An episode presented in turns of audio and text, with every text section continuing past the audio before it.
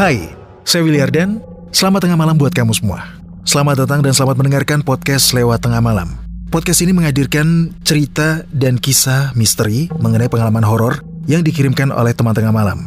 Tapi, yang lebih luar biasanya pembuatan podcast ini dibantu oleh rekan kami Anchor.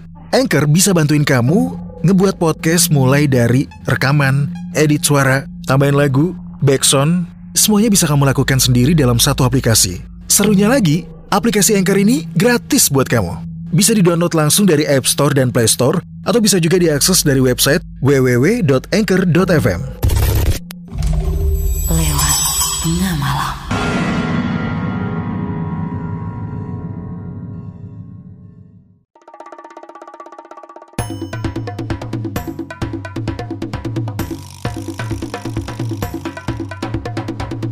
Kini Podcast Network. Selamat tengah malam, kamu lagi mendengarkan podcast lewat tengah malam bersama saya Willy Ardan.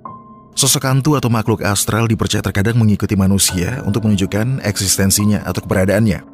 Biasanya, sosok astral yang mengikuti kamu berusaha untuk melakukan kontak fisik kepada kita ataupun sekedar gangguan. Entahlah maksudnya apa. Hanya sekedar iseng atau ingin menyampaikan pesan khusus. Pengalaman paling horor dan aneh pernah dialami Yuda saat dia bekerja di salah satu restoran di Jakarta. Nah, seperti apa kisahnya? Mari sama-sama kita dengarkan pengalaman Yuda di episode 155. Diikuti hantu.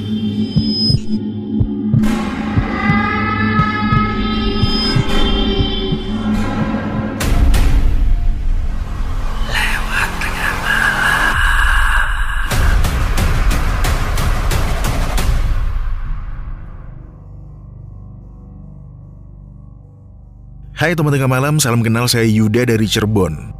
Setiap kali saya membicarakan hal-hal horor, pasti ada aja terjadi sesuatu yang bikin merinding. Entah cuma kebetulan, atau memang ada makhluk astral yang suka mengganggu orang-orang tertentu.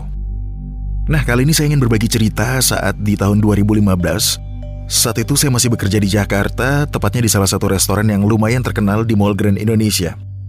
Karena restoran ini milik salah satu juri dari Master Chef Indonesia. Nah di restoran itu posisi saya sebagai head baker. Dan dapur pastry bakery letaknya beda dengan restoran. Dapur kita ada di bilangan Jaksel. Rumah besar berlantai dua dan dapur kita di lantai satunya. Oke, singkat cerita, waktu itu saya mau ambil cuti untuk pulang ke Cirebon. Nah, saya izin untuk shift malam dan di sini kalau shift malam, ya cuma sendirian.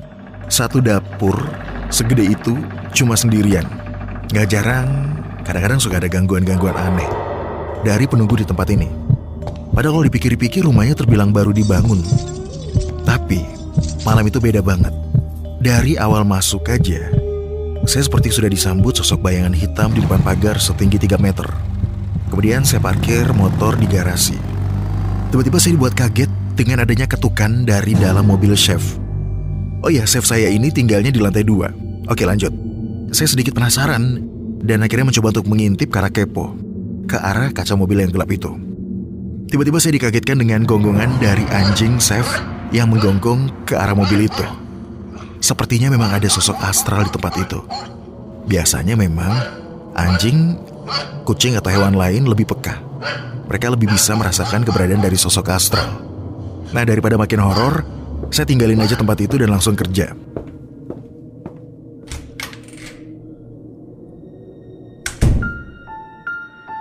Sekitar dua jam saya kerja, tepat di jam satu malam. Mulai deh, kedengaran suara-suara aneh. Dan yang paling tertangkap telinga, suara tangisan lirih dari arah luar dapur yang letaknya pas banget sebelah kamar pembantu. Tadinya saya pikir tuh suaranya Mbak Nur pembantu di rumah ini. Dalam hati saya sempat bertanya, Mbak Nur kenapa ya? Gak biasanya dia gini. Ah, mendingan saya cek aja kamarnya. Pas saya berjalan mendekati kamarnya Mbak Nur, Tiba-tiba, suara tangisan itu malah menghilang. Tapi anehnya suara itu malah berpindah ke arah garasi. Wah, saya berpikir saat itu sudah gak beres nih. Dan waktu mau berbalik arah menuju ke dapur kembali, saya sempat melihat sosok putih samar-samar gak terlalu jelas duduk di atas mobil chef. Saya kaget setengah mati. Tapi saya berusaha untuk tetap tenang, saya baca doa sambil mundur dan saya mencoba untuk mengetuk kamar Mbak Nur.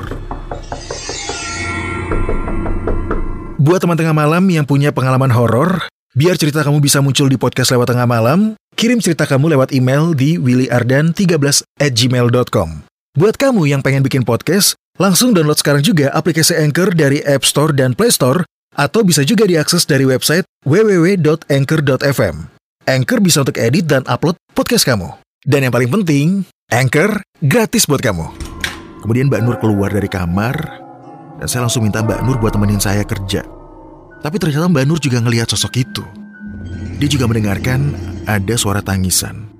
Usia Mbak Nur masih sangat remaja, 16 tahun. Akhirnya dia ketakutan, dan mau gak mau, kita sama-sama saling menemani. Saya lanjut bekerja di dapur, ditemani sama Mbak Nur. Ternyata gangguan itu gak selesai sampai di situ. Pas waktunya pulang kerja, saya nggak balik ke kosan, tapi saya mau langsung pulang ke Cirebon. Tapi sebelumnya saya sudah sempat pamit ke Mbak Nur. Karena Mbak Nur juga sama-sama dari Cirebon. Saya pamit, Mbak saya mau pulang dulu ya, mau cuti. Saya mau balik ke Cirebon. Mbak Nur bilang hati-hati di jalan ya, Mas Yuda. Tapi saya melihat Mbak Nur menatap saya dengan tatapan yang beda. Saat saya sudah mau cabut, tiba-tiba aja spontan Mbak Nur bilang, Mas Yuda, kalau ngantuk berhentinya di masjid aja. Saya pun mengiyakan ucapan itu.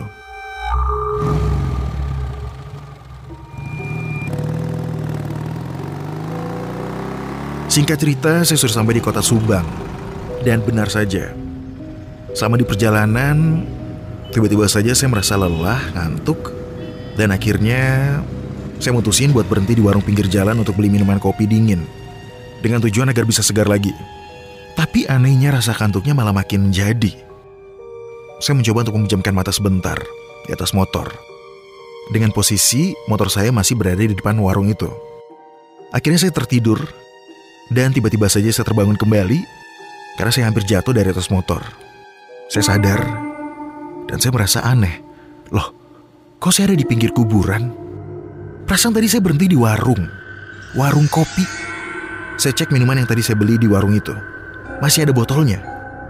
Dan betapa kagetnya saya pas saya lihat jam. Waktu sudah menunjukkan jam 6 sore, langit sudah mulai gelap. Saat itu juga saya mencoba menghubung-hubungkan kejadian ini dengan ucapan Mbak Nur. Saya ingat Mbak Nur sempat bilang, kalau ngantuk, singgahnya atau mampirnya ke masjid aja. Sebenarnya apa yang dimaksud sama Mbak Nur? Apa Mbak Nur melihat ada yang ngikutin saya? Ada sosok astral yang ngikutin saya? Yang seharusnya perjalanan Jakarta Cirebon bisa saya tempuh 6 jam, tapi ini jarak tempuhnya menjadi 16 jam. Terus yang 10 jam itu saya dibawa ke mana? Saya berada di mana?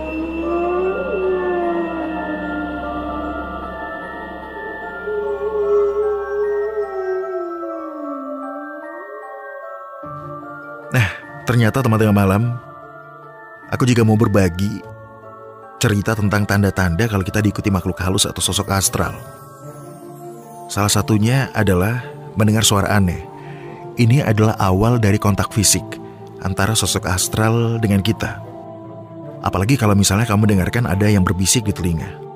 Selain itu, ciri-ciri kalau kamu diikuti makhluk astral, kamu seperti merasakan ada sentuhan atau seperti tidak sengaja menyentuh sesuatu.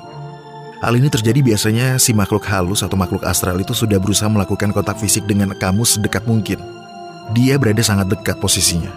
Percaya atau enggak, mereka bisa saja tertarik pada kita atau secara alami tubuh kita menarik mereka. Secara sadar tidak sadar mereka bisa saja mengikuti kita. Nah, semoga kejadian ini tidak dialami oleh teman tengah malam.